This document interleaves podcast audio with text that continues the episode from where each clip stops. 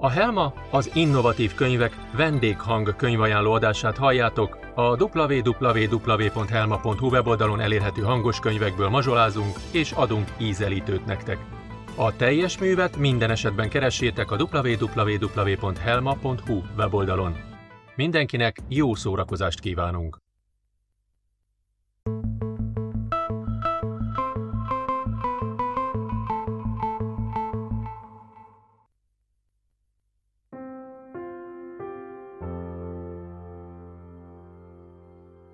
Reg Balázs Álom Egymásról álmodtak. Volt már ilyen. A fiú álmodott egy lányról, egy lány álmodott egy fiúról. Ám ez most mégis más eset. Az álmok bizony furcsa dolgok, néha nagyon veszélyesek lehetnek. Mindketten fejükbe vették, hogy megkeresik maguknak az álombeli. Nagyon hittek az álomképekben, pedig manapság már egyáltalán nem divat hinni ezekben. Inkább csak félremagyarázott tév babonák szintjén értelmezik az álmok világát. A fiú a városban élt. Ott fogott hozzá a kutatáshoz. Nehéz dolga volt. A lány vidéken élt. Neki is nehéz volt a dolga. Egyikük sem sejtette, hogy a sors, vagy valami, esetleg valaki más annyit könnyített a kutatás körülményein, hogy egy azon országba születtek. Maguktól is úgy döntöttek, előbb mindenféleképpen hazájukban kellett elkezdeni a keresést. A lány munkát vállalt mindenhol, ahová elvetődött.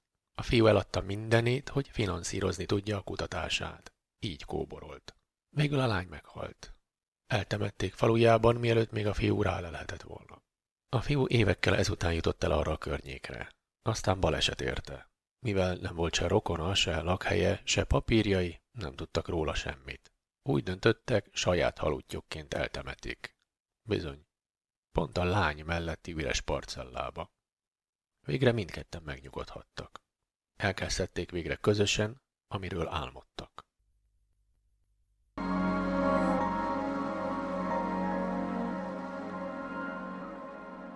Lehetőség 2027 Két éve telt el a mesterségesen kirobbantott és fondorlatosan, rossz indulatúan, irítségtől, kapzsiságtól és hatalomvágytól átitatva levezényelt világégés óta.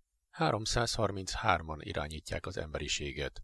Az új világrend megpróbálta mesterségesen kontroll alatt tartani az emberek létszámát a Földön. Többé-kevésbé 555 millió 555 ezer körül. Ennyi ember maradt életben, ha ezt lehetett egyáltalán életnek nevezni. A Földön. Ehhez az emberek testébe ültetett csipeket használták, a tömegeket pedig nagyvárosokban és környékükön tartották. A nagyvárosok között nem volt kommunikáció. Minden híradást a 333-ak által uralt csatornákon közölték a bér és adós rabszolgasságra kényszerített emberekkel, ami az égboltra kivetített híradásokon, reklámokon, szórakoztató sorozatokon keresztül történt. A 333-ak bár nagyon is jól tudták, hogy nincs minden rendben, abba a tévhitbe ringatták magukat, hogy minden az ellenőrzésük alatt van, a hibák lehetősége a lehető legminimálisabb. Ugyanakkor azzal is tisztában voltak, hogy totálisan tökéletes rendszer nem létezik. Két év telt el, amikor a történet főszereplője éppen szokásos útjára indult, mint oly sok hónapja már. Ember volt, mégsem tűnt emberi lénynek, inkább egy robotnak. Gépiesen cselekedett. A világegyetem azonban úgy döntött, a mindennapokat ezen a napon egy kisé megváltoztatja. Ilyet már többször is tett a galaxis a létezése óta. Mindig kiszámíthatatlan módokon. De az eredmények önmagukért beszéltek. Az univerzumban rengeteg példa van rá.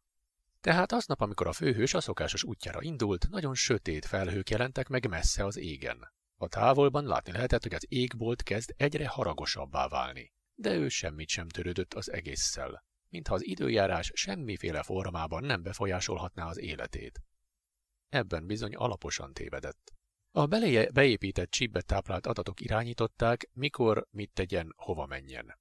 Ez most is így történt. Az egyik nagyváros külső területére kellett menjen. Ő maga nem tudta, hogy mi okból. Nem is kérdőjelezte meg a dolgot.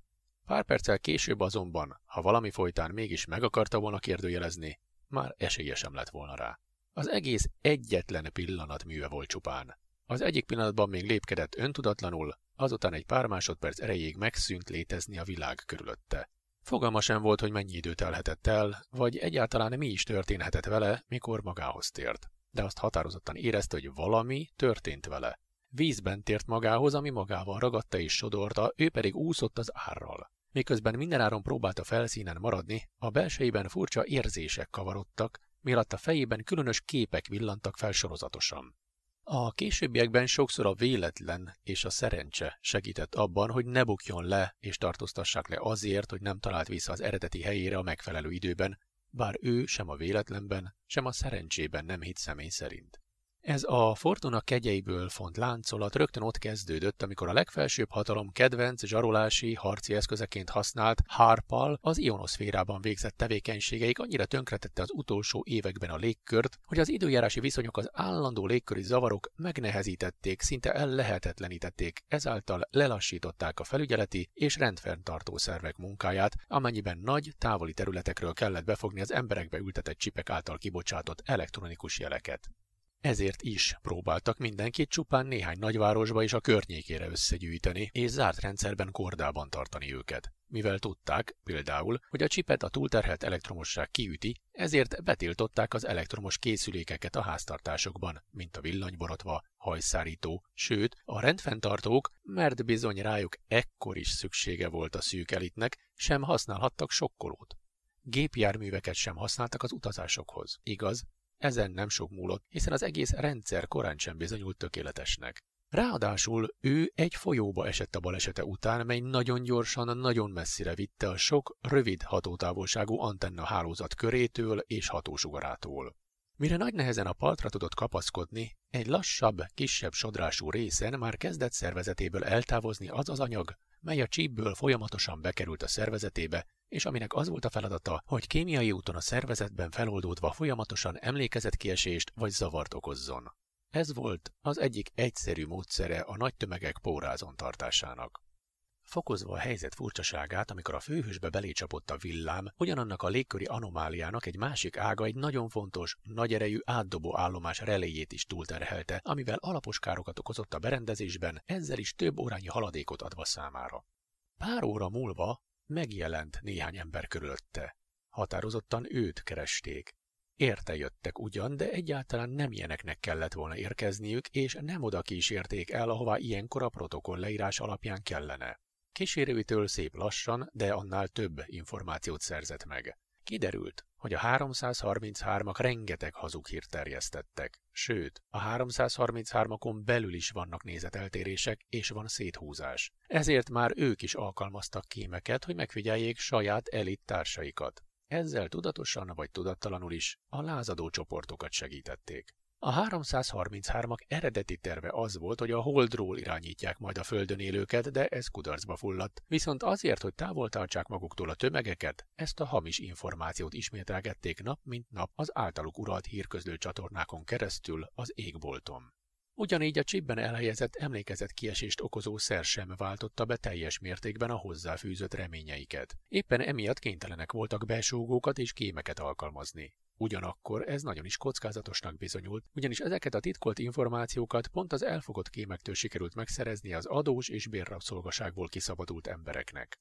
Ezek a csipek ugyanis rákapcsolódva az emberi szervezet DNS és RNS hálózatára, a láncolatba bekerülve rögzítettek mindent, amit a gazdatest, amelybe implantálták őket, látott, hallott. Ezért is sikerülhetett a kis csoportnak sikeresen rácsatlakozni a 333-ak kommunikációs csatornájára és radarhálójára. Így tudtak hamarabb rátalálni a folyóparton, mint a rendfenntartók. Természetesen elsőként átesett a szokásossá vált formalitásokon. A vizsgálat után pedig pihennie kellett, amíg teljesen megtisztul a szervezete a benne lerakódott anyagoktól. Napoknak kellett volna eltelnie, hogy mindez lezajlódjon, de ennyi idejük erre a célra nem állt a rendelkezésükre. Nem bízhattak abban, hogy sohasem találnak rájuk. Örültek, hogy egy újabb fővel bővült a csapat, mert elég nagy feladat állt előttük, elég kevesen voltak, és minden embere szükségük volt. Azzal teljesen tisztában voltak mindannyian, hogy a 333-akkal nincs esélyük szembeszállni, sem most, sem a jövőben. De erre nem is lesz szükség, ha sikerül valóra váltani a tervüket. Egyetlen reményük az az információ morzsa volt, amit néhány nappal korábban tudtak elcsípni. Ebben elhangzott, hogy létezik időkészülék. Ezt nem mindegyikük hitte el, de voltak közöttük olyanok, akik elmagyarázták, hogy lehetséges az időutazás, ha van megfelelő technikai felszerelés hozzá. Villámgyorsan kellett a vitát eldönteniük, mert nem volt idő hosszas tudományos értekezlet sorozat megtartására. Azzal mindegyikük tisztában volt, hogy az idő, mint olyan önmagában nem létezik, ezt csak a 333-ak ősei vezették be a saját szájuk íze szerint még a történelem kezdeti időszakában. Azonban a tér hajlítása megfelelő erőforrás és tudás birtokában akár lehetséges is lenne. Sőt, a kezükbe jutott információ szerint létezik. Végül mindenki arra szavazott, hogy egy próbát mindenféleképpen megér a dolog, ha valóban változtatni akarnak a jelenlegi tarthatatlannak tűnő állapotokon. Ezen döntésen felbuzdulva, teljes erőbedobással láttak hozzá az előkészületekhez. A szerencséjük úgy hozta, hogy még azt a térképet is sikerült megszerezni, amelyen az időkép pontos elhelyezkedését tüntették fel. Ez szerint a helyszínhez nem kellett túl sok kilométert megtenniük. Ez jó hír volt tekintettel, hogy járművük nem lévén gyalogosan kellett megtenniük a távolságot. Sőt, a térkép egyik oldala használati útmutatót is tartalmazott a térgéphez, ahogy magukban elnevezték a készüléket. Ezeket az információkat is az egyik chipből szerezték meg. A továbbfejlesztett infravörös, Bluetooth technológiákkal könnyedén letöltöttek ilyen információkat mások beültetett chipjeiből, amennyiben az illető kellő közelségben tartózkodott és elég idő állt rendelkezésre a letöltéshez. A használati útmutató alapján első ránézésre nem mutatkozott lehetetlen feladatnak a gép beindítása és működtetése. Úgy tűnt, az évszázadok során fejlesztett, vagy talán egy másik civilizáció által ajándékozott, vagy idegen lényektől esetleg megszerzett technika kellően letisztult és egyszerű berendezésként funkcionálhat. A lázadó csoportot alkotó kis csapatban volt mérnök, fizikus és programozó, tehát elméletben minden esélyük megvolt arra, hogy a minden bizonyal felmerülő különböző típusú akadályokat sikeresen legyőzzék útjuk során. Most pedig rendelkezésükre állt a térkép, amin a térgép helyét határozták meg. Úgy vélték, most végre belevághatnak a nagy feladatba, amiről eddig csak álmodhattak csupán. Tanakodni kezdtek, hogy egyrészt milyen útvonalon tudnák észrevétlenül megközelíteni a helyet, hiszen nagyon is valószínű, hogy a 333-ak féltve őrzik titkukat, másrészt ki az, akiben van elég elméleti tudás, szakmai gyakorlat és elég elszántság, hogy belevágjon, valamint bátorság, hogy amennyiben sikerül elérniük a szerkezetet, akkor használja is azt. A választás főhősünkre esett, mert ő birtokában volt mindezen tulajdonságoknak, köszönhetően annak, amivel 2025 előtt foglalkozott. Harmadrészt, de nem utolsó sorban, ha valóban sikerül az időutazást, azaz a térhajlítást végrehajtani a készülék segítségével, akkor egyáltalán melyik év, melyik hónap, melyik napján, hová utazzon el, és ott mit is tegyen? Ezt az utóbbit volt a legkönnyebb eldönteniük, hiszen az elmúlt két évben nap mint nap mindegyikük már sokszor átgondolta, mióta saját akarata volt, hogy mit is tenne, ha megváltoztathatná a múltat. A további részleteket már útközben tárgyalták meg, mert az idő rettenetesen szorította őket. A véletlen úgy hozta, hogy az általuk megszerzett térkép által jelzett időgépre a 333-ak nem fordítottak elég figyelmet túlzott elbizakodottságuk következtében. Ez akkor tudatosult bennük, amikor odaértek a térkép által jelzett helyszínre. Ezzel együtt mégsem volt éppen sétagalopp a feladat, hogy észrevétlenül közelítsék meg a helyet, amit a térkép megjelölt célpontként. Amikor egyre közelebb jutottak az időgéphez, szó szerint egyre több problémába ütköztek. Ahogyan haladtak ugyanis a céljuk felé, lépésről lépésre, szóról szóra egyre több eléjük tornyosuló akadályt kellett leküzdeniük. Bár a csapat nem mindegyik tagjának sikerült mindennel megbirkóznia a számára idegen környezetben, mégsem szenvedett egyikük sem komolyabb sérüléseket. Éppen, amikor a főhős azon munkálkodott, hogy beállítsa az előre megbeszélt és mindenki által egyetértett időpontot a múltban, ahová visszaugorhatott volna, illetve visszahajlíthatta volna a teret, hát ha megváltoztathatja a világ történelmét, a körülötte dúló csetepaték következtében végzetes baleset történt. Az időgép nagyon súlyosan megsérült. Teljesen használhatatlanná vált. Így a sikertelen kísérlet szomorú szájízével hagyták ott a színteret, és menekültek el onnan. Életben maradtak, és ez a lényeg. Ugyan a vállalatküldetést nem tudták az előre eltervezett s remélt végkifejletig eljutatni, legalább nem szenvedtek el maradandó károsodásokat. Megállták a helyüket egy olyan feladat során, ami teljesen szokatlan volt számukra, mivel eddig életük során sohasem kerültek még csak hasonló szituációba sem. Ennek a ténynek igaz kicsit vigasztaló hatása volt, de igazán akkor kezdett újra optimistává válni a nagyon is pessimista lelkiviláguk, amikor megtudták a nagy hírt. Az űrzavar közepette Fortuna ismét kegyes volt hozzájuk, és egyiküknek az egyik őr csépjéről sikerült olyan információs csomagot letöltenie, amitől később úgy érezték, mégsem volt teljes kudarc a küldetésük.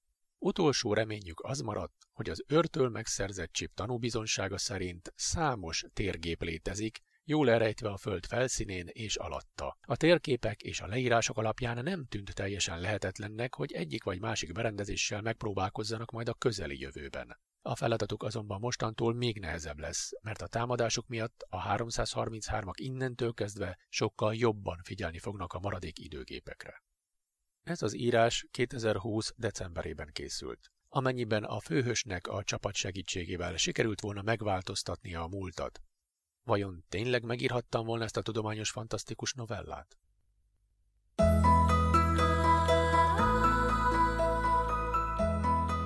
Hóemberkék Mesesorozat Negyedik rész Az irigy hóember története, avagy a hóemberkék karácsonya. Végre elérkezett a hóemberek által is várva várt nagy nap. Bizony, ők is nagyon szerették a tél egyik legnagyobb ünnepét. Alig várták, hogy beköszöntsön a karácsonyi időszak, mert ilyen tájt nagyon sok kis és nagy gyermek, sőt egész családok mentek oda hozzájuk a sűrűn hulló hópelyhek, vagy akár hóesés nélküli időszakban, és kisebb-nagyobb vásárolt vagy kézzel készített díszeket, ajándékokat aggattak rájuk, szebbnél szebb kórus énekeket énekeltek körülöttük, miközben kezeikben apróbb vagy nagyobb gyertyákat tartottak. Ezt pedig nagyon kedvelték a kisebb-nagyobb hógolyókból, hógömbökből gyúrt, összetapasztott, felépített hóemberek. Ők maguk tüzet nem rakhattak, mert elolvadtak volna a lángok melegétől. Színes fényeket sem használhattak díszítés mert lebuktak volna, ha valaki meglátja. De volt valami, amit ők maguk mégis megtehettek, hogy örömet szerezhessenek egymásnak, és ez pedig nem volt más, mint hogy apró ajándékokat készíthettek egymásnak. És itt most nem kell hatalmas és tökéletes meglepetésekre gondolni, de amit és amekkorát el tudtak készíteni a maguk erejéből, ügyességéből és a testükbe szúrt alkalmatosságok segítségével, azt megtették. Sokan közülük például sokkal jobban szerettek időt tölteni az ajándékok kigondolásával, megtervezésével, elkészítésével és aztán az odaajándékozásával, mint azzal, hogy várakozzanak az ajándékra és aztán megkapják az ajándékukat. Ők jobban szerették nézni, ahogy a hószálingózás közepette a sötét éjszakában a másik arcán felragyog az öröm. Valahogy számukra nagyobb örömöt jelentett adni, mint kapni. De volt egy olyan közöttük, aki másképp érzett. Ő irigy volt mindenkire, és egymaga akart játszani az összes játékkal. Kapzsiság is munkálkodott benne. Magának akart mindent. Sokáig gondolkodott, hogyan érje el célját, és mit tegyen, hogy a többiek ne tehessenek ellene semmit. Egyik nap vizet olvasztott a hóból a napsugarak segítségével, amit titokban összegyűjtött, és ezzel a vízzel váratlanul, ahogy beköszöntött az este, lelocsolta a többieket, akik ettől pár perc alatt egytől egyig egy-egy jéggömbbe fagytak. Így sikerült elérnie, hogy csak és kizárólag ővé legyen minden játék, csak ő játszhasson velük egyes egyedül egész éjjel, a hatalmas, fenyőfákkal körülvett hóval takart téren. Többféle véget érhet a Kíváncsi lennék, melyik tetszene. Küld el, melyik tetszett jobban. Az egyik befejezés. A többi hóemberről az irigy hóember által előre eltervezett időnél hamarabb leolvadt a jég, és így gyorsan visszavették az ajándékaikat, az irigy hóembert pedig példásan megbüntették. De azért nem nagyon és nem túl szigorúan. De neki így is büntetés volt, hogy sokáig nem játszhatott a többiekkel, sőt, még a saját játékaival sem de ez a karácsony így már nem olyan volt, mint amilyennek lennie kellett volna. Egy másik befejezés. Az irigy hóember sokáig játszott egyedül a saját és a mások ajándékaival. Azután, ahogy az idő telt s múlt, lassan kezdte megunni az egyedül létet és a magányos játékot. Sokáig gondolkodott, hogy mit is tegyen. Majd egyesével segített a többieknek kiolvadni, akiknek elmondta, hogy mennyire megbánta a tettét, és megígérte, hogy soha többé nem tesz ilyet. Onnantól kicsik és nagyok együtt játszottak közös játékokat, és megosztották egymással a kapott ajándékokat. Így sikerült egy igazán szép karácsonyt varázsolniuk maguknak.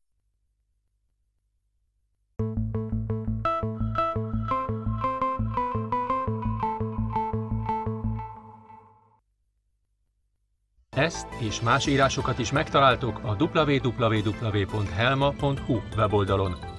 Folytatása következik. Várunk titeket két hét múlva, amikor újabb részekkel ismerkedhettek meg.